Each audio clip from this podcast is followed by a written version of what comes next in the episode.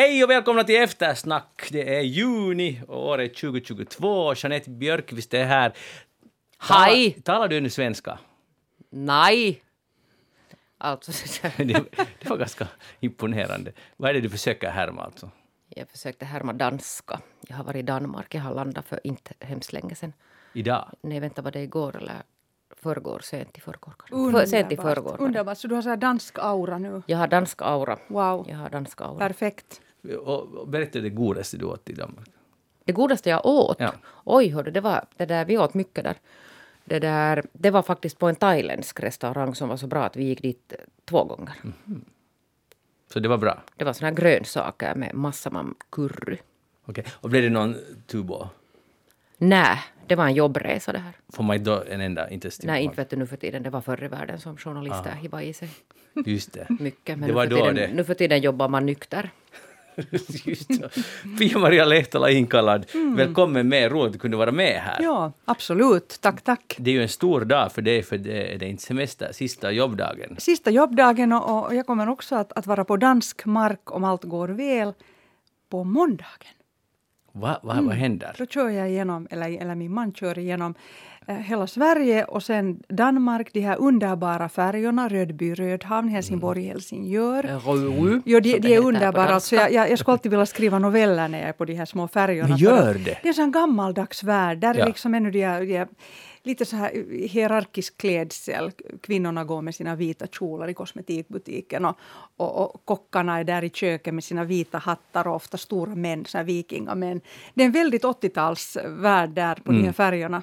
Och väldigt busiga barnserier. Och Då blir jag alltid arg och tänker att den skandinaviska barnuppfostran den är fruktansvärt dålig Mhm. jämfört med fransk och italiensk där man hedrar föräldrarna. Just det, nu är det mycket att bita i. Men Ja. först, är det så att du kör inte en kilometer? Jag alls? kör inte, jag har nog körkort men, men, Men du kör inte? Nej, jag, jag har faktiskt inte kört på flera år. Jag Oj, tog mitt körkort då i Tammerfors när jag bodde där några år. Oj, och- Pia-Maria. med BMW och körde lite hårt. Och efter det har jag kört i Wien faktiskt med en sån stor Chrysler. Oj, Så har jag lite, lite erfarenhet. Jeanette, vi- du skulle vilja att jag skulle köra bil? Jag skulle vilja att du kör bil. Jag skulle vilja att du inte är en av de här kvinnorna i familjen som börjar liksom sådär att låta bli att köra och låta mannen köra. Det är bra att upprätthålla sin... Mm, Vi ska titta nu hör du. Men vi ska se. Pia-Maria, ger du goda råd där när du sitter på platsen intill? Alltid. Och så är jag alltid, Alltid. noggrann att nu kommer det någon från, någon från höger, nu kommer det en grym långtradare och jag är väldigt dramatisk. Alltså riktigt det värsta. Ni vet. Ja, det är faktiskt Ja. det Ja, värsta. ja, jag vet! Jo, jag har lärt mig av min mamma. Ja, no, men bra, det har gått vidare. genetiskt. Ja, ja, det är just det. Vad har man morsor för? Ja, det är ju det. Ja. Men, men vad, vad, får jag fråga, vad tycker din man om det här då? Han är van vid det. Och han är, han är Stänger liten- han av Han är kanske? en liten sömntuta så det passar bra. Aha, just det. Vi borde sätta en kamera in i bilen där och, och Ja. lite lyssna. Det här låter som bra. Uh, Okej, men vi får återkomma till allt. Eh, eh, nej, en sak, novellen. Ja. Kan du inte skriva den? Jag skulle vilja, vad skulle den ja. handla om? Alltså det skulle handla om de här korta arbetsturerna. Alltså de, de är ju väldigt korta de här Mm. båtfärjorna, de här resorna. Alltså de kan ju vara typ mellan halvtimme och 45 cirka ungefär. Och, och de är ju väldigt hektiska. Men sen ser man ju där, där det är ju fantastiskt. Du, ser, du, kan ju, du tittar ju på olika par till exempel. Mm. Hur de kommunicerar med varandra. Och, och, och, och. Jag förstår, det, precis. det, alltså den här sociologiska studien. Men Och är, sen- det de här, ja. är det de här färjorna mellan de här danska öarna du Jo, jo Rödby, vi körde ju också ganska och sen. Det finns ju broar också. Ja, men jag älskar de här små båtarna. Alltså det är det bästa för mig. Ja, jag, jag förstår det, och, Mm. Ja. absolut. Och det, är ju nog ganska nostalgiskt på något sätt. Det är liksom, man Ja. skulle inte tro att de finns egentligen Ja, mera. ja, ja. Och det där, eh, men i väntan på novellen, skulle den ha någon sorts romantisk liksom, dimension eller skulle det mera vara någon så här vardagsrealism? Jag skulle säga att det, handl, det skulle handla om, om en kort stund i människans liv där den har möjlighet att, att drömma och förbättra sitt eget liv och gå in i illusionen. För det är ju den där korta tiden på båten. Det är Ja. ingenmansland. Mm. det, allt är möjligt. Precis. Och så kan du köpa den där parfymen som gör att, att du, du blir en helt annan människa. Men Pia-Maria, vilket, Oj, hör du! Det blir Hör bra du? det här. vilket språk skulle du skriva den Den novellen här på? skulle jag skriva på svenska. Ja. Absolut, jag är ju två Det låter språk. nog som en finlandssvensk novell nästan. Ja, ja. Jag heter Magnus Lundén, programmet alltså Eftersnack. Anne Heikkilä är idag, Heikkilä är idag- tekniker och fixar så att vi hörs ute bland lyssnarna. Trevligt att ha er lyssnare med förresten. Ja, det är juni. eh, Det där. Men först måste vi tala om, jag vet inte om ni tycker att det är det viktigaste, men det blev ju Det glider in här. Förra söndagen. Finland vann guld i Jeanette. Jag vet, Ja. jag tittar på tidningarna där i. Danmark, alltså finska tidningar. Så har du klättrat upp i Havis, Havis Amanda? Nej, jag var ju i Köpenhamn. Men om du skulle ha varit Nå här? nej. Ja, hur är det med... Hur, hur, hur ser du på det här Pia-Maria? Alltså det är alldeles fruktansvärt. Jag älskar ju Havis Amanda. Det, Ja. det är ju en, en, en fantastisk, eh, omstridd också i tiderna. Hon var Mm. ju väldigt vulgär enligt, enligt vissa Helsingforsbor i tiderna för att hon var naken och kurvig. Men för mig är det en så helig eh, del av den tiden då till exempel just skulptörerna till, tillbringar sin tid i Paris. Så det är ju den här liksom gamla tidens, den goda gamla tiden, utbildningens, konstens tid kan man inte sluta med det här? Att börja kliva där och skra, skråma den där... Det har ju kommit skråmor igen av några något fick, byxfickor. Jag tycker det är, ju, det är ju vansinne. Hur kan man inte stoppa det här?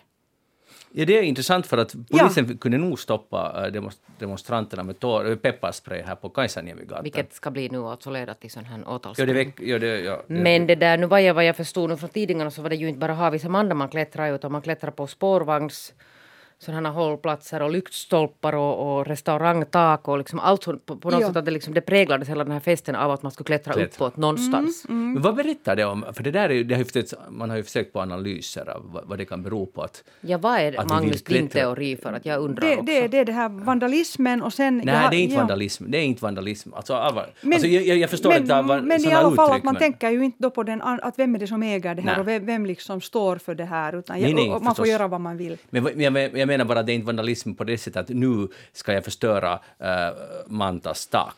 Jo, nej, det är nej. inte, på det sättet att Nej. nu, utan de tänker sig inte för och det är ju helt idiotiskt men... Men, Men när och blev finsk segerrus en sån här klättringstävling? Jag vet inte. Mm. Det är det som jag undrar. Men någonting har det ju väl att göra med att man vill, ut, man vill synas, uttrycka sin liksom ta kontroll över staden och, det är så, nu är allt tillåtet. Det är lite så här som valborgsstämning. Nu är det ju det, men det är intressant det där att man vill klättra högt upp. Det var ju sådana som hängde i de här, eh, vad heter det, de, de som går liksom över Espen, finns det så här trafik, där var trafikskyltarna, Ja, vägskyltarna ja. hänger, Ja. så hängde därifrån, berättade min son som var där och rapporterade. Att folk hängde därifrån. Och det är ju Mm. jättehögt, alltså om man faller ner så kan döden komma. Eller i alla fall falla benen. Det är livsfarligt. Och, Ja. sen, och sen det andra att, att det har ju jämförts nu med den brittiska stilen. Att det här är liksom ett brittiskt sätt att, att fira, fira sportsegrar. Mm. Och sen började jag själv att fundera liksom på Paris och så här. Att jag har aldrig hört i alla fall att man skulle där kliva upp på några sådana Napoleonstatyer och förstöra dem. Att franskt är det inte i alla fall. Det Men det här. kanske inte är direkt franskt. Nej, Nej. Det har du säkert rätt i. jag vet inte om någon har tänkt sig hela det. Men, men samtidigt så, alltså, så jag tycker det är lite roligt att, att stan kan bli så här okontrollerad ibland. För det var ju ändå positiva förtecken. Att, att, att, Ja. men, men jag håller nog med om att, att klättra upp i den statyn är ju helt onödigt. Den skulle kunna, tänk om den skulle rasa. Alltså, vem det- vem ja, betalar sen för och, det? sen, och sen dens fingrar till exempel var ju i fara. Ja. Ja, ja. Det Tunn, tunn, tunn metall eller brons som, som liksom kan gå av. Alltså det, det, det är ju hemskt. Alltså det är en jättestor risk man tar. Jag är så arg över det här att man inte har liksom räknat ut vad det, vad det kan innebära. Och, och att, att det är ganska lössläppt ändå det här hur man Men skyddar hade, henne. hade det inte gått, alltså det hade gjorts försök att, att bygga något Jo, slags det var dolda, faner runt, alltså faner. skivor runt. Ja, men, det, var alldeles för, där hade man inte tagit, gjort en ordentlig riskbedömning. Men det värsta är ju att nu är det ju många som säger att man borde göra en, en ny staty och föra den här, den här gamla någonstans, någon annanstans i förvar och bygga en någon- kopia? Ja, ja, vet du. Det har, det har ju diskuterats på Twitter aktivt. Eh, eller att man ska flyt, flytta bort statyn helt och hållet därifrån. Men det är ju vansinne. Ja, det känns också. Alltså det är gärna att ge efter för. Mm, Ja, Ja, ja. ja. Men, men eh, roligt var det ändå. Såg du på finalen, Pia-Maria? Aldrig. Nej, okej, fel, fel person att fråga. Men det var roligt. De vann Kanada, som alltid är ganska kaxiga. Och nu hade de dess, dessutom, vilket vi gör den extra rolig twist, att det var helt klar hjälp av en rikssvensk domare. Så där har vi, vi i Finland mycket att fundera på. Tänk att det var så. För det var alltså, han visslade nog ganska friskt uh, mot Kanada, den här domaren. Och det har ganska stor betydelse, speciellt där i slutskedet när man spelar tre mot tre, Pia-Maria. Jag vet, du förstår precis vad jag talar om, eller hur? No, nu förstår jag ju, men jag, jag, jag är så ointresserad. Ja, så vi går men Magnus, vidare. du är, ju, du är ju helt galen i, i ishockey. Nej, fotboll är nog viktigare. Fotboll är viktigare. Ja. hur är det med Jeanette? Du är inte heller så ivrig. Nej men nu har jag tittat så jag har nog följt med nu. Men det där jag missade ju då tyvärr för att det var ju inte så att den här skulle visas någonstans överhuvudtaget. Men sen kom den ändå.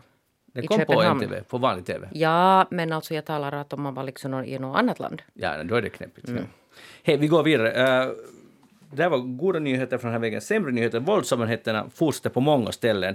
Med eller utan krig, jag tänkte bara kort rapport att USA, sen vi talade förra gången om den här skolskjutningen, så uh, på nio dagar har det varit 20 massskjutningar i USA sen den här senaste, som den här stora senaste, där det har alltså dött, eller blivit skadade mer än fyra personer. Alltså 20 stycken på nio dagar. Det är liksom, det är som en epidemi. Mm. Uh, här börjar man ju tänka på, på alltså exemplets makt ja. på ett ont sätt. Ja. Att, att en ung människa kan sen på något sätt inte de är ju alla unga, men jag menar att, att vissa är ju yngre än de andra. Men då, då är ju det här liksom modell, modellet, modellens och exemplets dåliga inverkan tyvärr vanlig och farlig. Men sen är det ju också hela USAs kultur och samhälle som är uppbyggt på det här att du har vapen. Det är ju det som nu diskuteras. Det, att det borde, en, det borde gång, förändras. Mm. Inte kommer det att ändra, ingenting kommer mm. att ändras, äh, ändras i den frågan. Äh, däremot så vill jag också rapportera att världen kan sova lugnt just nu, för att jag tror att från och med igår så är Nordkorea ordförande land för FNs nedrustningskonferens.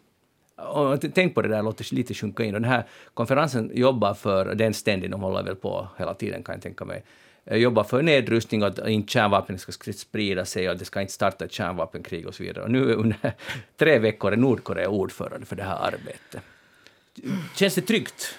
Sådär, att, att de är ett modellexempel för resten av världen med tanke på just Men här finns, nu, här finns säkert en sån här twisted tanke om att om man inkluderar dem på det här sättet så kanske man når lite sådär som när man ordnar OS i diverse länder så ah. bidrar det till någon sån här demokratisk utveckling och det har ju visat sig att det stämmer ju och det funkar ju. Ja, men med Ryssland gick det ju jättebra, fotbolls-VM och allt har, det har blivit raka röret in i demokrati och mjukissamhälle, mm. just tack vare OS och VM. Ja, det är just det. Ja, att, att, Se så bra det gick. Tänk om vi inte ska ordna OS och VM, det ska bli, bli liksom ännu värre. Ja, men alltså det måste ju vara någon sån tanke här. Nej, här är tanken att alla ska få vara ordförande någon gång och det går i alfabetisk ja. ordning. Och nu var det en, nu kom vi till en. Uh, Nåja, men det här var nytt kanske... Men jag var lite det där, får jag lite backa tillbaka? Jo. Jag förstår att det, det, jag är lite långsam nu. Det, den här alltså, ännu den här USAs alltså skjutningar och de här vapnen. Så bara påtala att det cirkulerar ju på, på de här sociala medierna en ganska intressant sån här twist på det här där någon alltså har listat alltså om man vill göra abort i USA, alltså vilka alla steg man ska gå igenom den här med att man måste tänka, man måste liksom fundera, man måste svara på diverse frågor och göra liksom olika utvärderingar. Att om man skulle sätta samma, sån här liksom genomgå samma operation när man ska köpa ett vapen i USA.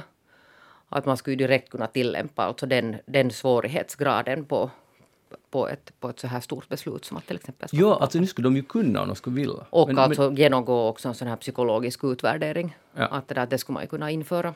Och det är vitsigt för det kallas ju då pro-life att, att mm. man, om man är emot abort. Men det här mm. att köpa vapen, där man ju då de facto, men man ska förstås försvara sig men, men att det där det används ju då i anfallssyfte också. Uh, så då är det inte pro-life. Då, alltså då är det mm, tvärtom. Men de skulle kunna liksom titta lite över det här att det där att, att ska det vara så lätt att få. Men vilken är åldersgränsen? för vapeninköp? Eller är det föräldrarnas vapen som används? Nej, det här, det här vapnet som det användes i den här stora, för, om det nu var för nio dagar sedan, i den här skolan, i lågstadieskolan. Så det vapnet den personen hade måste man vara 18 för att få i den staten. I Texas. Mm. Och han hade det, ja, ja. Men det är säkert olika i olika delstater. De har ju ganska olika mm. lagar. Mm. Så att, uh, jag, jag, kan inte förstås alla mm. stater. Alltså överlag är det väldigt svårt att kontrollera om du inte har någon, någon psykiatrisk diagnos eller brottsregister. Och sen är det ju det att, att uh, människans psyke, en människa kan ju förändras. Så det, den här kontrollen är nog väldigt svår där. Mm. Förstås brottsregister skulle ju måste hindra. Och det gör det säkert också. I Ukraina är det 100 dagar idag sedan eh, Ryssland invaderade och startade kriget. Och vet ni hur långt vinterkriget var? Men okay, det var 105 dagar. Och tänk hur det har präglat Ända tills, jag skulle säga, ända till ungefär till 100-årsjubileum av Finlands självständighet så var det liksom alltid väldigt ofta, nu är det fortfarande ingår det i vår liksom, historia, liksom det är en vår del av vår identitet. Eh, och det var 1940 och sen förstås fortsättningskriget efter det. Men uh, så det är 80 år sedan, mer än 80 år sedan. Flera generationer. Och Ukraina lever just nu där och det här kommer att prägla dem minst lika länge. Oberoende hur det slutar nu. Så, och det är ju långt ifrån avslutat det här kriget. Det är ju helt mitt, vi är mitt i där, 100 dagar. Det blir säkert några hundra dagar till. Och sen dessutom lever vi i en modern tid där vi borde ha kommit bort redan från alla mm. krig och sånt här. Så att jag tror att det blir ännu värre.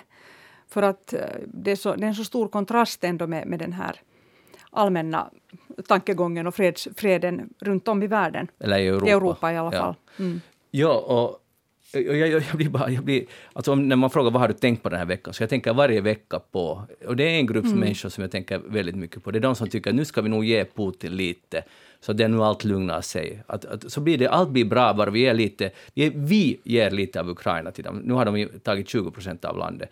Och vi ger lite åt dem. Och det är jätteansvarslöst och otroligt kortsiktigt. Och för det första, om någon ska ge någonting så är det Ukraina själva som ska komma fram till det och ingen annan. Men, men liksom också om vi tittar vad Ryssland sysslar med. Det, det är liksom från andra världskrigets äh, regelbok, eller inte regelbok, men från taktiken där man man sätter artilleriet igång och beskjuter civila. Alltså mejar ner städer och byar. Puff, och sen marscherar man in. Det är så brutalt. Och det, det finns ingenting att, tycker jag, ens att förhandla om. Att, att vi ska lite blidka Putin nu. Alltså jag tycker att det är helt galet. Och de människor som säger så här, så, de menar säkert väl. Men det, jag, jag, tror att det bara gör saken ännu värre om möjligt. Men menar de väl, eller vad menar de? De menar, de, ja, nu tror jag, de flesta människor, förutom jag säger, de flesta människor menar ju väl. Jag menar, inte vill någon väl att det ska bli förutom vissa säkert i Ryssland vill att det ska bli ännu värre, men att om någon säger att nu ska vi jobba för fred och vi ger lite åt Putin, så nu menar de väl i det avseendet, i alla fall tror de själva att de menar väl, att de vill att det ska sluta skjutas på varandra och vi ger lite av Ukraina så slutar, så slutar kriget kanske. Men de tänker inte på att då kommer Ryssland starkare tillbaka om några år. Och, och jag tror att det är livsfarligt. Och ingen idag skulle säga att vi borde nog ha gett lite mer åt Hitler. Det finns ingen som säger det, att, mm. alltså i alla fall i Europa, eller de länder som har drabbats, nu ska det bli bättre. Eller, eller att Finland, att, att vi borde inte gjort så mycket motstånd. Vi borde ha, släppt, vi borde snabbare gett lite mera land, mer än 10 procent. Vi borde ha gett 20 procent åt dem. Så skulle allt ha slutat bättre och, snabbare. Det finns inte, inte finns det någon, men nu finns de här besserwissrarna som säger så här. Jag tycker att det är ansvarslöst. Och, och sen det här snacket om att, att vi ska inte bli trötta på krig, att vi håller på att få krigströtthet i väst. Det är sånt förbannat strunt våra liv fortsätter, förutom det högre bensinpris och energipris och matpris och så vidare, men det är ändå ingenting jämfört med vad Ukraina utsätts för. Är ni liksom så att säga, nu säger jag situationstecken, krigströtta? Jag följer med det och, och säkert alla här, vi är journalister, följer med det.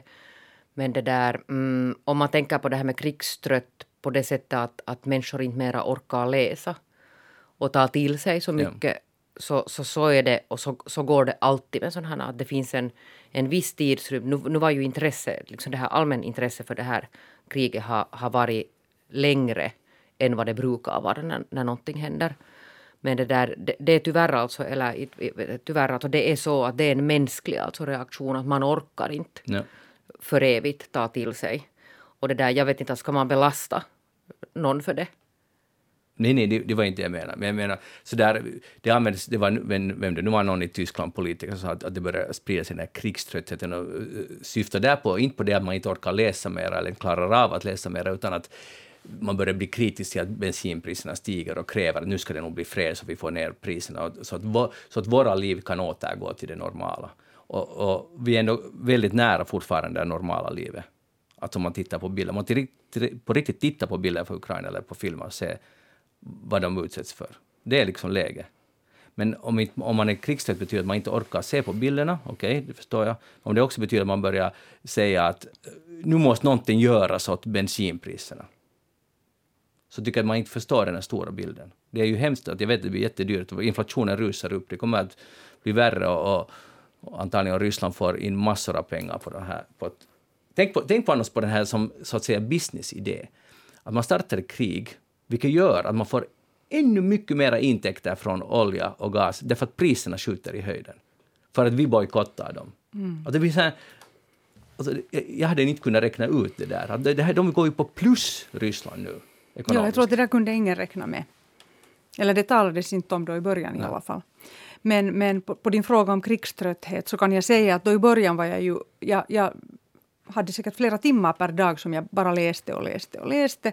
Sörjde och sörjde och sörjde och tyckte att det var, det var vansinnigt. Det, ibland får ju matlusten också. på grund av att, att det är ändå nära och, och, och, det är en, som jag sa redan, att vi lever i en fredens Europa på det sättet. Mm. En sån tid. Men det, det, det, som, som Jeanette sa, det kommer ju en tid då du inte mera inte läser jag varje dag så mycket som då tidigare. Men nu är jag hela tiden ändå i mitt undermedvetna medveten om det och, och sörjer det. Att inte, inte känns min vardag glättig eller härlig eller flyktig eller eskapistisk. Så som jag tidigare har kunnat liksom fly in i någon underbar mm. damtidning till exempel. Det kan jag inte nu för det är hela tiden med i undermedvetna det här att det är en jätteallvarlig situation sorglig situation, fruktansvärd situation. Det handlar om människoliv, men det handlar också om kulturarv, till exempel Mariupol som, som ändå är en, en gammal romersk stad, där, där den är totalt förstörd. Alla historiska minnesmärken, mm. alltså det sörjer jag också alltid eftersom jag tycker att det, det är vårt jordklotets så att säga världsarv och minne från det förflutna som också suddas ut. Och det tycker jag också är hemskt. Men sen måste jag nog säga att jag har liksom hela tiden haft den här, eller det är liksom att vi kommer alla ihåg hur det gick när det här började och, och hur otroligt stark reaktionen var den här solidariteten alltså gentemot Ukraina som fortfarande alltså är väldigt stark. Så sätt det alltså i relation till, till de av oss som har följt till exempel krig i Syrien, i Afghanistan, äh, läge i Irak under många år och kommer fortfarande levande ihåg den här 2015 som var liksom, jag menar, globalt en, en jätteliten på något sätt liksom kris men ändå stor till exempel i Finland som inte var van att få något, något det där eh, asylsökande. Så det där, nu skulle jag tänka att om jag skulle vara någon av de som kom då 2015, 16 och fortfarande sitter och väntar på, på lov och liksom har manglats igenom en sån här helt huvudlös process som, som går liksom till sådana här döda ändor som är dåligt skötta processer. Det här är barnfamiljer, här mm. finns liksom alla möjliga människor som har nu varit i sju års tid i någon sån här limbo. Och inte någon som helst solidaritet från offentligt håll. Ingenstans, någonstans har någon brytt sig om. Det är samma krig, det är samma lidande alltså för barn och kvinnor. Och det där. Och delvis samma skurkar. Och delvis samma skurkar. Mm. Och det där och långvariga, liksom väldigt svåra situationer de har levt i. Så nu skulle jag vara kanske ganska förbryllad. Att tänk att så där kan man behandla en del, men inte alla. Mm. Och, och, då kan vi, vi kan inte säga att det handlar om någonting annat än att det där, vi gör skillnad på folk och folk. Mm. Och, och, då kommer vi till sånt som religion och, och hudfärg. Och det behöver vi nog rannsaka hos oss själva. För att det där, att Ukraina-kriget är hemskt, men hemskt är också krig på andra ställen. Ja, det är, ska inte ta ut det andra, utan det borde ju tvärtom vara så att den här alltså borde, den här solidariteten borde... Jag menar, det, den borde se ut som den har sett ut för Ukraina. Ja, exakt. För det var ju inte så att det inte fanns information om Syrien. Alltså Nej, och eller hände. bildmaterial ja, eller liksom hårresande berättelser. Nej, men det, det, jag tror att du har helt rätt, det togs inte på samma sätt. Och det, det, det berörde inte. Nej, berörde fortfarande inte, inte alltså. Och då finns det ju bara en... Och dels är ju helt enkelt förklaringen också att det, det är längre bort, hur brutalt det än låter. Jo, och det, men jag menar, det behöver vi också säga högt till oss själva, att vi liksom förstår det här, att vi gör skillnad alltså på folk och mm. folk beroende på geografiskt avstånd. Och jag tänker att det till exempel, det har gjorts otroligt fina insatser för de här Ukraina. Alltså det är på något sätt att, att så här ska det se ut när, när det händer mm. alltså någonting hemskt. Så här, det är så här vi ska agera som människor, som vi har agerat här. Till exempel alltså en sån sak som att man vet att det kommer barn nu från, från Ukraina som har sett alltså varit med om helt vedervärdiga mm. saker och behöver hjälp. Och det, mm. det ordnas alltså. Man, man har gjort mycket för att liksom på något sätt ge ett stöd åt dem. Men, men sen finns det en massa andra barn som har sett samma saker och kanske till och med värre saker som inte har fått någon hjälp överhuvudtaget.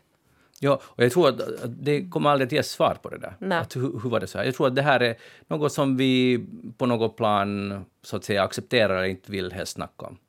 För ja. det är ju så uppenbart. Men det är, lite, det är ju lite så att säga pinsamt egentligen. Ja, eller väldigt. Ja, jag förstås, eller liksom jag, jag inte förstår pinsamt, att det är väldigt... utan det är ju, nej, nej, det är ju Det är ju nästan så att man skulle kunna slänga sig och lite fördöma. Mm. Vilket du gjorde, ja. vilket jag, eh, tycker jag är helt rätt. Vi lämnar kriget nu, eh, för att det som du var inne på, att det inte kan vara så glättigt och så vidare, och jag, jag har helt samma känsla, att jag har inte riktigt den helt samma livsglädjen som jag nog mm. verkligen brukar ha. Mm. Och det är svårt att motivera sig med vissa saker. Och ju mer man läser om krig, desto mindre så att säga, motiverad blir man till att göra något, något annat. Men jag har faktiskt bestämt, imorgon är det ju den stora uh, dagen då skolavslutning och alla som får sin yrkesexamen och studentdivision och allting. Och jag älskar den här dagen. Och jag har bestämt att jag tänker faktiskt uh, inte tänka på kriget imorgon. Utan jag tänker, mm. jag tänker gå runt och fira och vara glad över alla som har lyckats med vad de har försökt med. Och det är ju en perfekt dag det här. Mm. Kanske solen skiner, antagligen inte, men det spelar ingen roll. Mössorna är vita och så vidare. Mm. Men nu fråga till er. Uh, vad ska man ha som present? För det är väldigt många som... Att om vi tänker någon som har gått... Det är lite för sent nu. Eller nej, inte alls. Nej. För mig är det inte i alla fall. Det finns lite tid kvar ännu och, och jag vet många funderar på det där. Att ska man ge...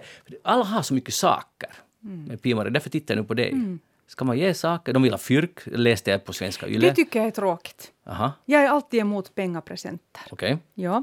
Um, jag skulle rekommendera här um, antikviteter till exempel. Mm. Ett, om du har någon flickstudent nu är jag riktigt gammalmodig, så köper du ett, en 20-talsbrosch till exempel. Jaha. Eller någon sån helt härlig, vet du, eller någon sån från, från 1900-talets början, någon sån här jugendbrosch i silver. Du kan hitta i en antikhandel. Och, och, ofta uppskattar unga människor också, alltså jag vet själv hur jag redan som sjuåring uppskattade antika handväskor när jag var med min moster på lopptorg. Alltså en svart sidenväska från 1800-talet. Jeanette, du, du, du ser lidande ut. Nej, nej, nej. nej. Ah, okay. Vi ska just ja, fråga Jeanette ja. vad hon skulle ja, tycka om den presenten. Jag skulle alltså satsa på antikviteter, alltså ja. till exempel då i smyckesform, eller sen litteratur. Mm. En ung människa, alltså jag blir ju jätterörd alltid när det är de här skolavslutningarna och den här tiden. Alltså det är en vemodig tid också för att då tar någonting slut och de ska fara ut i världen i framtiden och liksom hoppas allt går väl och de ska ha framtidstro och ljus i blicken. Och, och jag skulle ge nästan nu för tiden om jag skulle ge så. Så jag är inte bjuden i år faktiskt. Vi har inga bekanta nu som blir student. Nej. Ja, så jag skulle ge en bok, en filosofibok. Okej, okay. mm. bra. Jeanette, uh, om du skulle ha fått den här broschen då när du blev student, vad, vad skulle du ha tyckt om det? Av någon jag, 50-årig dam som kommer på nej, men alltså jag tycker... Jag, Svara man måste, nu på frågan. Nej, nej, utan man måste ta det lite från en annan. Alltså det beror ju på alltså, vilken relationen är till den här studenten. Alltså vad, vad är din relation till den här studenten? Mm. Mm. Och det där, en brosch till exempel är ju en bra gåva om det är din relation att du känner den här studenten så bra att du vet jo. att den här studenten uppskattar det här. Men det där men, men många gånger är det ju så att man går på studentkalas hos uh, unga som man inte är så nära. Mm. Alltså på det sättet liksom, vet ni, så där vardagligt väldigt nära. Och, det där, och då tycker jag ju att det är helt okej att ge en peng. Och jag tror att det där, jag minns nog själv att det var, det var fantastiskt att få mycket pengar. Man sitter sen där och räknar att hur mycket fick man nu ihop. Och, och till exempel det där förra året när vi hade en för familjen väldigt nära äh, flicka som blev student så visste vi att hon är på väg att flytta hemifrån. Och då var det mycket välkommet att samla pengar för att sen kunna köpa, som hon gjorde sen, kunde gå för sina studentpengar och, och starta sitt eget hem med att köpa. Så då har vi två olika skolor här, vi har pengarna versus broschen? Nej, men jag tar inte bort den där broschen om det är någon, alltså till exempel någon guddotter eller någon sån här okay. som man faktiskt känner. Alltså en sak, men då ska man veta nog ganska precis vad den unga mm tycker om. Ja. För, för, för, också liksom ett föremål kan ha ett jättestarkt symbolvärde och det kan liksom leda tankarna någonstans framåt. Jag gav åt min guddotter i, i fjol en, en silverängel som hade en, en kristallboll under sig, en, en sån här, en, ett tyskt smycke, designsmycke. Och då tänkte jag att, att det, det, är för att den här min guddotter nu ska upptäcka världen och att hon ändå ska ha liksom den här ängeln och allt liksom gott med sig. Så att för mig var det väldigt viktigt att jag på något sätt berättar någonting med min present. Jo, och det är det definitivt. Alltså sen när min guddotter, alltså jag är vald till gummor, vi hör ingen av oss till kyrkan, men hon valde mig till sin gummor. Att när hon blir student så vill jag verkligen alltså ge någonting, alltså ett smycke till exempel skulle vara mm. en, en just sån gåva så jag skulle kunna tänka. Men sen går vi på en massa kalas som det där, där, där jag nu inte på riktigt alltså riktigt ännu på det klara med att vad tycker den här ungdomen riktigt om. No, Men, brukar ni sen när ni är på de där uh, tillställningarna, oberoende nu en yrkesexamen eller studentexamen, äh, vad heter studentdimension, brukar ni klämma in den där förhatliga frågan Nå, vad ska du göra nu då? Ja. Jo, nu gör man ju det. Man gör det? Nu gör man. Men man jo. borde ju inte göra det. Nej, man borde inte mm. göra och sen får man svar och jag har fått alltså det här svaret att nu inte vet jag nu riktigt. Ja. Och så kan jag säga att men det är helt okej att man måste mm. inte veta heller. Ja. Eller sen frågar man att vad, skulle du, vad är det där som du riktigt skulle vilja någon gång sen i framtiden studera? Stackars. Vad är din passion? I framtiden, alltså inte genast. Ja. Nej, och jag brukar alltid passa på att klämma, vet ni, sån här just medelålders tanten kommer med sina goda råd och säger att, att, det där, att, att gör nu vad du vill liksom nu och att man kan byta sen. Ja, men det är För att de gott är ju alltså, de är på något sätt hemskt sådär Alltså de är så triggade till, till det här liksom, att man ska uppnå mål, stackars ungdomar. Att de tror att de är jättestressade över det här. Att var ska man, först ska man sitta liksom och räkna de här, att hur ska, man, hur ska man lägga upp sin studentexamen så att man ska kunna komma vidare. Alltså sådana taktikerande som orsakar jättestor press. Det är ju helt tomtigt det här hur man har förnyat den här studentexamen och ämnenas betydelse sen i vidare processer. Och sen är de hemskt stressade över det här att vart ska de söka och det är de här vet ni att, att hur man får poängsättningar att om du söker sen till fel och jättemycket taktikerande med det här för att då misstar du någon sån här första gångs sökande poäng. Nåja, nå, det, det är väl inte exakt så där, men jo, eh, det, det har blivit så. Det, allt, och jag det har faktiskt ett exempel i Svenska Yle, en artikel om nya studenter i Pargas. Där de intervjuat uh, Moa och Vilma och, och de ser ut just så som med vita studentmössor och pigga på livet och så vidare. Så frågar de vad ska, vad ska ni göra nu? Och båda två säger det är nog, de vet inte och det är mellanår som gäller. Och jag blev, vet ni vad, jag blev glad när jag läste det här. Tänkte, att, att tänk så mycket vi- staten, så att säga, samhället försöker pressa in, bli snabbare klara, snabbare in i arbetslivet, allt ska gå snabbt och inte fundera för mycket. Och sen ska man Ja. veta precis att Ja. det här ska du göra resten av ditt liv. Och det här- och det behöver man inte veta. Nej, och just det där som du sa Jeanette, att man kan byta senare, det är inte, allting avgörs inte nu. Alla de här sakerna, det är de budskapen man måste gå ut med. Och det gläder mig bara att de, att de uh, Moa och Vilma säger att de inte vet, att de tar ett mellanår. Och Men det, det, det, det, alltså, det är ju en trend, det har varit en trend nu ska vi säga de senaste tre, fyra åren.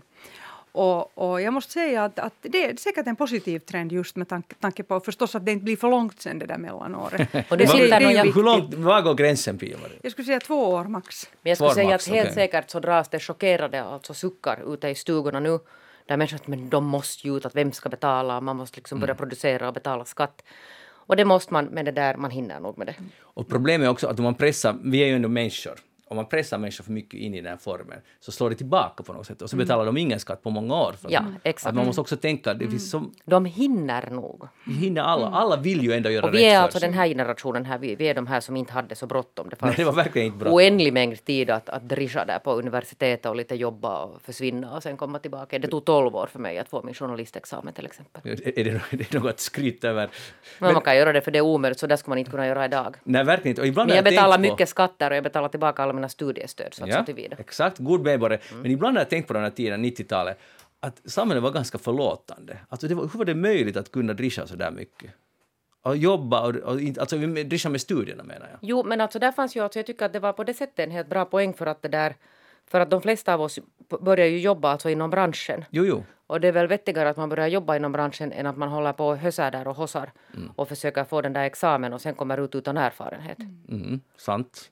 Och nu säger jag inte att det är så här, det borde vara så där att man nu håller på 12 år, kanske det skulle kunna gå lite snabbare. Men jag måste säga att jag hade tvärtom igen, att jag var alldeles för flitig då när jag var lite där på kring, kring 20, 21, 22. Jag skrev i Astranova artiklar och jag jobbade på Akademiska bokhandeln och så studerade jag på Uni och sen på Sossokom. Att jag har sagt åt min dotter att hej kom ihåg nu att du behöver inte vara som jag då, att jag var ju helt liksom för ordentlig och gjorde alldeles för mycket. Jag kommer ihåg också hur jag promenerade från en plats till en annan och var andfådd och så här. Och, Men varför gjorde ja. du så mycket? Jag var ivrig också, jag ville. Alltså det var ju en sån här Då är lust. det ju inget fel på det. Nu ja, men inte det, lite lugnare kunde man ha tagit det. Kan ta något Mm. emellan Pia-Maria och mig. Någon sån där gyllene mellanväg här mellan det Men här. du gjorde ju också helt säkert mycket. Nu, alltså nu, det är det jag menar, att de flesta vill ju göra saker. Mm. Att, Jag gjorde, men, jo, men alltså, jag menar med studier till Ja, exempel studier, så gjorde jag nog inte. Nej, okej, inte mer om det. Men är, är det inte ändå bra om man har den här energin att göra mycket som du då hade? Att- Jo, jo, men i efterhand, jag har sagt åt min dotter nu som är i samma ålder, Mm. så sa jag att du behöver inte göra så mycket, för jag ser att hon har också, hon gör jättemycket, hon sjunger och hon har, studerar och jobbar och är jätteivrig och jag märker på henne också att oj nej, att nu, nu är hon precis som jag. Mm. Men låt henne vara om hon orkar och om det bringar glädje. Men sen när man blir stressad och det börjar tynga på och man inte kan sova så då ska man lite lugna ner sig.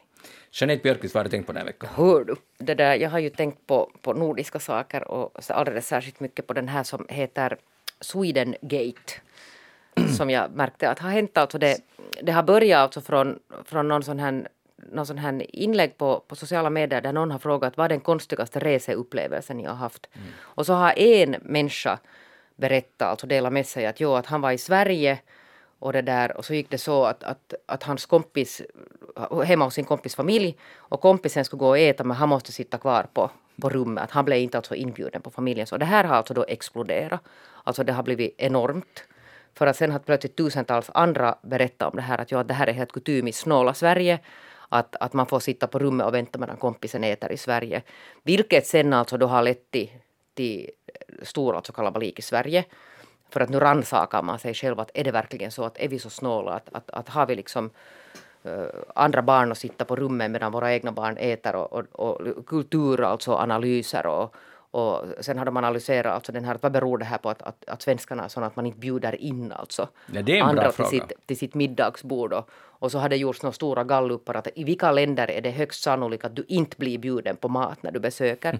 och där finns en karta och där är faktiskt Norge, Sverige, Finland, Danmark är rödmärkta. Alltså det vill säga att Finland är också sån att, att far man hem till någon så blir man inte bjuden på mat. Men vänta, en viktig distinktion här. Gäller det här nu när man är barn eller som vuxen? No, men ser du det där, i Sverige har det alltså börjat handla om det här med barn. Ja. Men vad jag förstår så var den här var alltså en vuxen, eller det måste ju ha varit någon ung vuxen.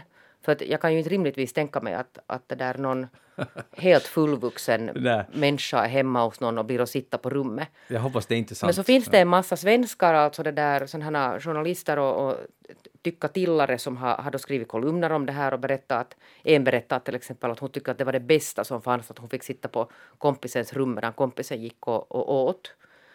Och det där så började jag att är det nu alltså verkligen det där och, och liksom, alltså ingen har ju gjort någonting sånt här till Finland att, att, att jag vet inte i vårt hus har det ju alltid varit så att om vårt barn har en kompis på besök så det skulle inte falla mig in att inte alltså invitera det här barnet. Att Det är klart att man blir bjuden och sen, sen äter de eller äter de inte liksom och, Ja, men nu, alltså, mm, jag, jag håller med om att idag, eller jag tror att det för de flesta är otänkbart. Men att alltså i Sverige verkar, men i Sverige verkar fortfarande? det... Jo men alltså det är ju det som är alltså min uppfattning nu. Att i Sverige är det alltså så att, att om man har barnets kompis på besök så de blir alltså inte inbjudna. För jag minns nog det här, det här var, så här var det ju förr också. Jag har absolut minnen när jag har varit hos kompisar och man sitter där i rummet. Och jag har också minnen att hemma hos oss att min kompis blir i rummet. Jag går nu och äter. Jo men man tänker och att när det är man tänker på här det, 80-tal alltså. Men det, lär vara, alltså, det verkar vara Idag. så fortfarande i Sverige. Men är det också bundet vid olika områden? För jag har jättesvårt att föreställa mig att det skulle vara så i Dalarna till exempel. Da, Dala, de är ju ljuvliga där i Dalarna och Falun. Där kan jag inte tänka mig. Men jag skulle kunna tänka mig att så här är det i Stockholm, i Storstockholm. Att är det, är det liksom... Nej, det här verkar vara alltså nu det där på basis av alla rapporter i svenska medier alltså. De Men är ju det- alltså helt i Jag tycker det är kris. rätt åt Sverige att bli lite ifrågasatt. Jo, men det den, är helt så, bra. men den var så stor, den, alltså den är så enorm den här gigantiska alltså proportioner på det här så att nu har det ju analyserats också att handlar allt det här om något Putins försök att påverka opinionen om Sverige, att man försöker utmåla Sverige som något sån här snålt land där, där man lämnar människor utanför. Ja, för alltså att, i- äter. det här är förresten sant att i Ryssland skulle det där vara liksom barbari. Det skulle Ja. aldrig gå att göra. Så det, det kan vara Men det har, gjort, här- nej, det har gjorts en analys på det också och det har visat sig att, att det är nog inte så, att det, det finns inte någon så här ryska Nej, nej, förstås inte. Eh, men, men sen kan man ju tänka, om man tänker positivt så i alla fall eh, när det gäller barn så kan det vara att det finns någon sån här omtanke att Pelle får säkert mat hemma eller Pelles pappa har sagt att, att Pelle äter sen bara äter sen hemma hos oss. Att det kan ju finnas någon sån där... Jo, det finns någon sån omtanke. Och just det där att, att man liksom, den här värdfamiljen då vill ta hänsyn till den andra familjen. Ja. Att man vill inte rodda deras Precis. middagsschema. Ja.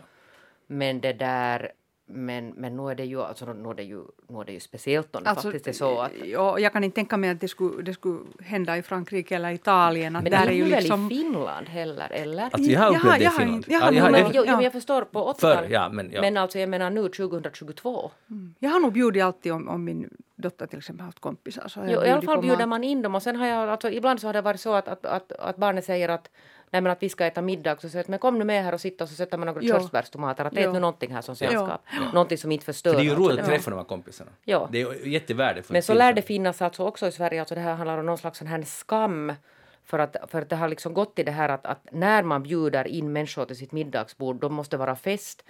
Och det ska vara liksom några Ja, stora satsningar. Att, att man täcks inte, att man skäms över den här vardagsmaten. Men alla äter ju vardagsmat. Mm. Jag menar vadå liksom att, att är det knackorv och makaroner så då är det knackorv och makaroner och inte ska man tro att några andra familjer har Jo, någon men glöm inte att skammen är nog ett väldigt stark liksom, så här, känsla som dominerar allt möjligt Ja, som och det vi här då gör. tydligen Ja. alltså, för det här är också en svensk analys, att det, det beror på det att vi skäms över vår simpla, enkla vardagsmiddag. Men det är, så, det är så fantastiskt, tycker jag ändå, att det, det här är det som debatteras. Alltså, jag tycker den är jätterolig, den här debatten faktiskt. Ja. Eh, Och de funderar mycket på att hur ser alltså omvärldens bild förändras den nu av Sverige som land? det är helt, egentligen allt samma är skrattretande, men det är också jättevitsigt att det, om vi tänker lite efter, så nu är det ju helt otroligt att i vårt välstånd, att, vi, att en, en kompis blir att sitta i rummet får inte komma med. Alltså nu är det ju, alltså om det, om det på riktigt på- pågår fortfarande, det är ju sjukt. Visst är det? Alltså det är liksom Att det mest tänker man asociala man kan göra. Att- Och i att- Sverige? Ja, ja, och det, därför är det rätt av dem att de, nu får de någonting att fundera på. Jag tycker faktiskt det är helt Det bra. kanske är en nyttig diskussion det här också. Men det var det som någon sa att det här behöver, att vi behöver föra nu den här diskussionen om svensk kultur.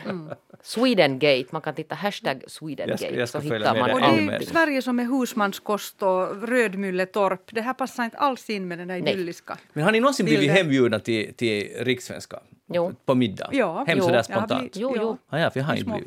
Ja. Aha. Nej, men det är, det är, Det är någon, sådär ja. någon ny bekantskap. Det Ah, vara... Nej, men inte skulle jag nu heller bjuda någon ny bekantskap hem till oss.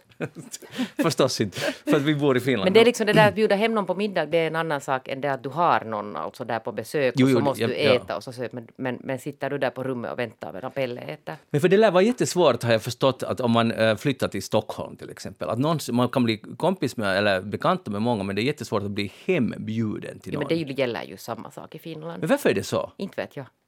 Är det skammen igen att vi, vi Ja. är rädda att vi inte har tillräckligt snyggt eller fint Nej, det eller för god mat? Eller att hålla distans? Ja, eller den här att, att man, jag tror att Pia-Maria, alltså, jag tror att det är just det där att, att man på något sätt liksom värderar utifrån att hur ser vårt hem ut, att är det nu tillräckligt mycket och, och har vi nu tillräckligt bra mat och, och hur ställer man nu fram och, och det tror jag att har kanske i alla fall i någon mån någonting att göra med de här tv-programmen som finns nu för tiden, vet ni, alla möjliga kockprogram.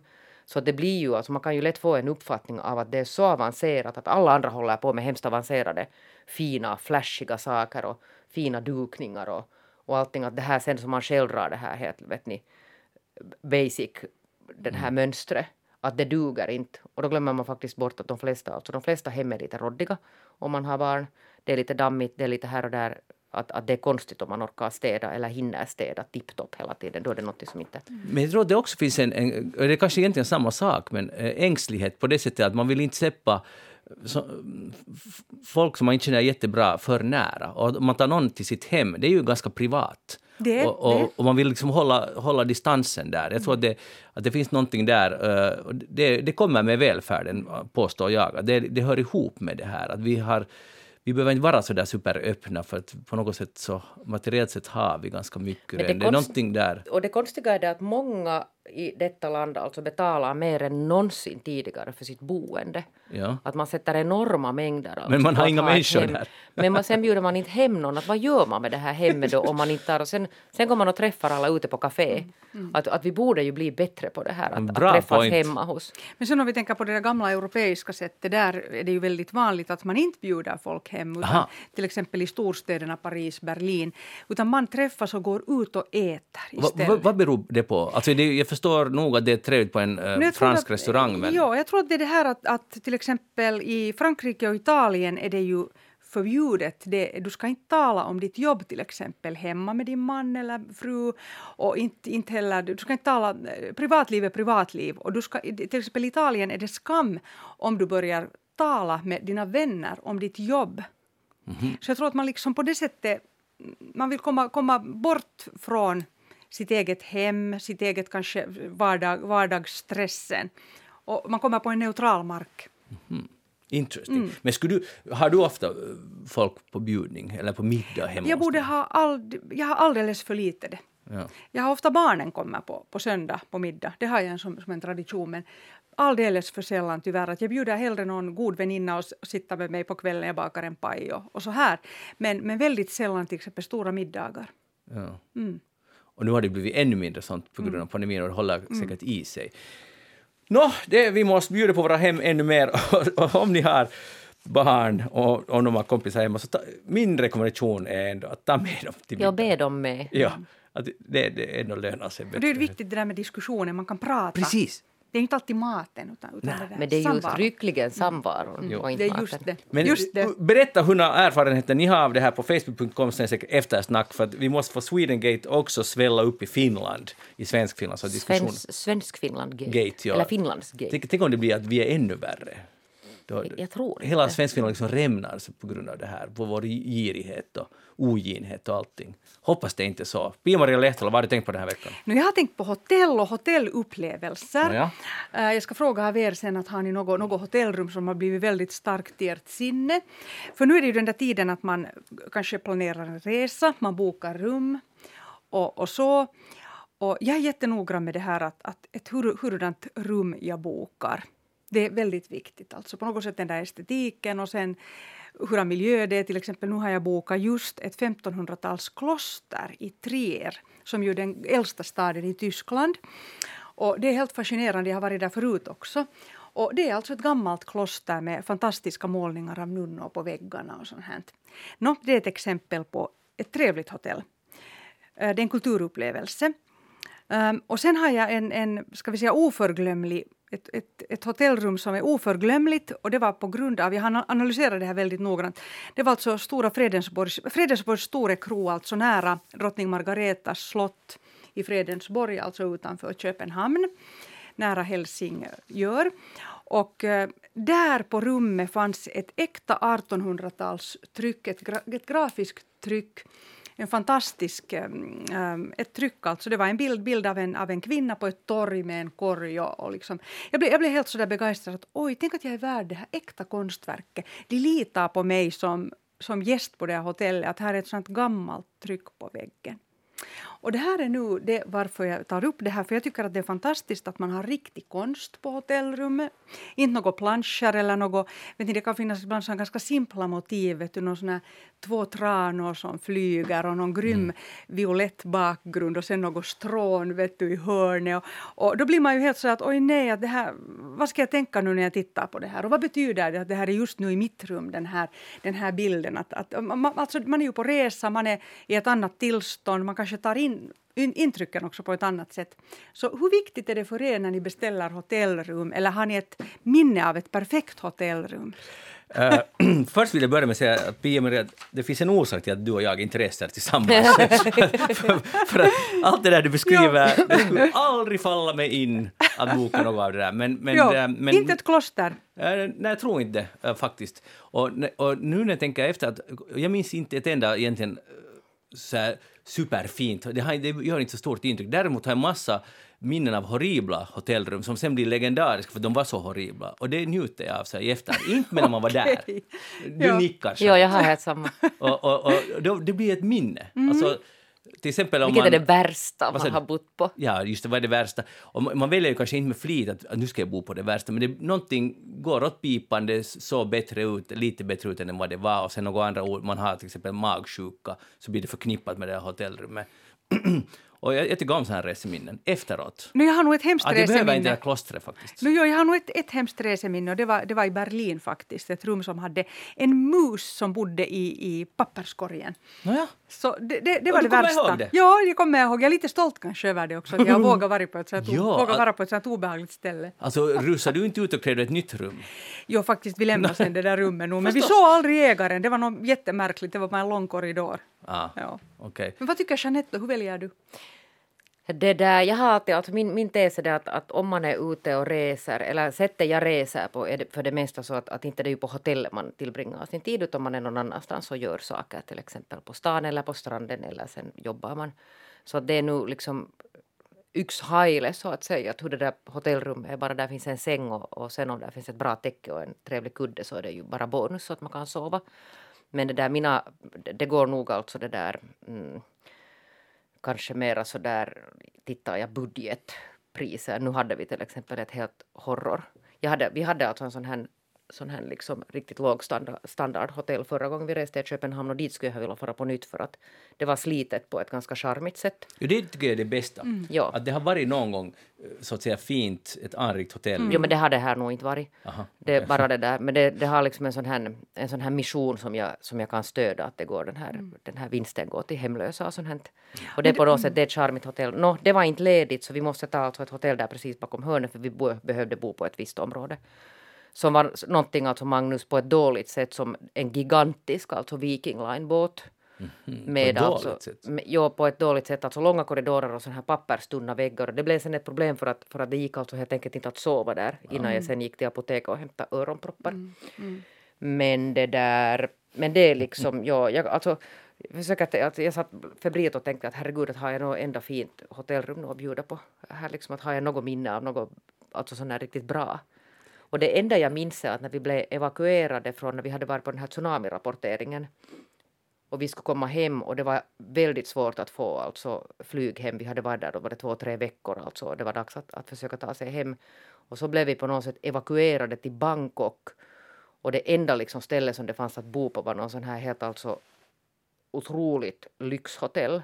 Alltså som var så lyxigt att det var ju större det där hotellrummet än, än min dåvarande bostad. Och det var ingen bra upplevelse utan det var alltså en riktigt dålig upplevelse. Att det var helt hemskt att vara i någon sån här överflödigt, alltså lyx. Att det, det, jag, jag trivs inte. Men det som är ljuvligt, jag måste ändå säga att när man reser runt omkring till exempel då i Frankrike så det är ju härligt att kunna välja ibland ett så intressant hotell fast i en mindre stad. För då kan du leka att du bor där och, och om det är till exempel inhyst i ett gammalt vanligt våningshus till exempel. Vi brukar bo i Lyon i en sån här ljuvlig, det ser ut som en, egentligen som en jättestor lyx, lyxlägenhet från 1800-talet. Men, men det, det är små rum nu som, som då är inredda på ett sånt helt ljuvligt franskt sätt. Och då, då kan du leka att du, du bor i Lyon. Du kan känna att du är liksom hemma där. Jag förstår det där, Att det, det, jag tycker, det, jag tycker det, det, det är kulturhistoria att välja hotell och jag måste säga att jag är jättenöjd att just i Italien och Frankrike har du möjlighet att välja sådana här. De är inte ens dyra. Du använder bara din fantasi. Att, att, till exempel ett annat rum som jag tycker väldigt mycket om är, är i Nancy som är en sån här art nouveau-stad. Och där, där har vi valt alltid ett, ett litet hotellrum som, som egentligen är en del av en kyrka. Så du kan se vissa delar ännu av den där kyrkan. Och sen äter du frukost vet, sånt, nästan som en, en liten sån orangerimiljö. Med, lite med växter där- och, och blommor och allt. Det är helt ljuvligt. Men det är det där också att hur länge man ska vara, att åker man nu på någon långresa så där att man är faktiskt lång tid så då, då är det ju helt trevligt om man nu har ett, ett, ett rum med annan utsikt än en gallergrind. Alltså, ganska bra reklam gör det för de här uh, hotellen. Så jag, jag ska göra så här, nästa gång jag åker till min nästan hemstad Lyon så ska jag fråga dig var Ja, jag ska bo. jag ska- jag ska och sen rekommendera. återkommer jag med rapport. Ja, ja. För, att- för, att- jag förstår nog absolut, men, men när du nu frågar, jag har faktiskt, jag kan inte komma riktigt på någon lyx, för jag har lite det här samma med lyxhotell, att det blir sen, det, för det första det är till låns och det, är helt, det känns liksom onaturligt. Jo, men det här var ju inte lyxhotell Nej, nej, jag nej men jag talar om lyx. Ja, så här, att ja. Jag tycker att, De är opersonliga. Att, jo, det är ja. opersonligt, det går en gräns att det här är inte mera roligt. Jag vet. Och Det, det- det, det blir ja. äcklig känsla också. Liksom, att Och man det, känner ja. sig helt malplacerad. Exakt. mm, Hej, ja. vi går vidare. Jag vill tala om böcker. Inte om att läsa böcker utan om att förvara böcker. För att igen har det varit i Guardian, de har det här ett par som grälar. Och nu är det eh, kvinnan i, de är alltså 20-plussare. Och kvinnan är helt bokfreak. Hon tycker om att läsa böcker och förvara. Och En bok får aldrig kastas bort. Och hennes man är helt rabiat och rasande. Att i alla fall borde det vara så att varje gång det kommer in en bok så far en bok ut, alltså kastas bort. Och då blir hon rasande och säger att det här är höjden, att böcker kastas inte bort, böcker är snygga. Och hon läser alltså också de här böckerna, men sen sätter hon dem på hyllan. Och hon ty- han tycker att är boken läst så ska den kastas bort. Och det här är en klassisk fråga. Och nu, det som jag inte kände till, och som Pia du alltid mm, verkar känna till vad som är på, på väg att bli trendigt. Så det här är en 20-åring som kommenterar det här, säger att, att den här kvinnan, att hon är helt on top på trenderna nu, att nu unga människor vill ha böcker som designföremål. Att man vill ha, att det kommer tillbaka med bokhyllor, vilket Som verkligen ett inredningsmål. Ja, som inre. Jag vet inte om de läser de där böckerna, men det ser snyggt ut. Och det här trodde jag aldrig skulle komma tillbaka, men allt kommer ju tillbaka. Eh, så vad, vad är er dom i den här frågan? Nu alltså, ska hon göra sig av med sina böcker? Eller? Först och främst handlar det helt tydligt också i hennes fall om någon sorts trygghet. Och om han går och rubbar den så då kommer det där förhållande att ta slut. Just det. Så nu får han nog verkligen jobb, jobba på det här. Uh, personligen tycker jag ju inte om bokhyllor. Uh, för, varför det? Nej, jag, jag, tycker inte om det där när det blir sån här brok, det blir de där brokiga olika färgerna. Och Det blir kaos. text. Jo, jag, jag måste säga att jag är inte bokhyllans vän. Mhm. Men jag, jag, jag kan tycka om bokhyllor om jag går på besök till någon. Då tycker jag det är härligt och, och njuter så här. Men personligen har jag faktiskt ingen bokhylla. In, ingen alls. Nej, jag, jag- jag, brukar ha mina vackraste böcker i högar som jag placerar till exempel i, i fönstret. Det är jättesnyggt att ha faktiskt i ett sånt här gammalt fönster så har du några snygga böcker i rad. Aha. Okej, hur är det med Ja. Jeanette? Vi har mycket bokhyllor. Jag har lite samma nu som den där hunden här att, att man kan inte kasta bort böcker. Ja, du har det? Jo. Ja, och det är under, för det, det är ju många har det, det sitter väldigt djupt. Så finns det sådana som har frigjort sig från det Jo, här. men jag hade alltså en gång, jag tog hjälp till inredning, jag är inte så bra på att inreda alltså. Och av en kompis och han är mycket begåvad på det här. Och det första han sa att "Ah, nu måste jag göra så med bokhyllor, att det blir så rastlöst här. Så var jag så att här tog vår, vårt samarbete nu slut kring det här, det går inte, alltså, det kommer inte att hända. klarar, alltså. klarar det där. Men jag har till exempel i Hangö så har jag ett gammalt bokskåp alltså där det finns dörrar. Där har jag alla mina kära böcker från när jag var 20. Just det. Så det de finns kvar och jag älskar ju dem. För det var det hon, Mm. han var arg på, att hon sparar sina gamla läro, skolböcker. Att varför gör hon det? Och hon tycker att det är sentimentalt och det är fint, att det är en del av mitt liv. Men han kan flytta någon annanstans som just inte det, jag är helt Mm. på hennes sida. Nu, han får nu sticka. Och, och det där... eh, och, och, och, det, det, så här det är. Och det som är böcker är alltså, det är ju också en dröm om någonting. Vet du, det är någonting... Det är jättetidlöst och de bara står där. Alltså jag är hård Och berättar någonting om sina, e, sin Men de samlar ju också damm, det kan man inte Nå. förneka. Men böcker är aldrig ytliga. Ja. Den blomstertid kommer, hörni, uh, nu. Alltså inte, vi ska inte spela den, för det kommer ni att få höra mycket av imorgon. Men igen, jag hoppas att vi alla kan njuta av morgondagen, trots allt som händer i världen. Och de här, till exempel just den här studentmössans vithet. Titta noggrant på den, för den, den liksom signalerar att nu allt, alla möjligheter är öppna. Och jag menar inte så att du kan bli vad du vill, utan det är liksom ett oskrivet blad. Och möjligheterna är också öppna för alla som går ut yrkesskolorna. Exakt. Fantastiskt. Uh, grattis till alla, och grattis till alla som har klarat skolan och vad, vad ni nu har klarat. Livet går vidare. Jeanette Björkqvist, tack för att du var med här idag. Pia-Maria Lehtola, tack för att du var med. Ha en trevlig resa i Frankrike på klostret och var det nu ska vara. Och e-posta oss på eftersnacksnabelayle.fi eller gå in på facebook.com eftersnack och tyck till så hörs vi igen om en vecka. Ha det bra. Hej då.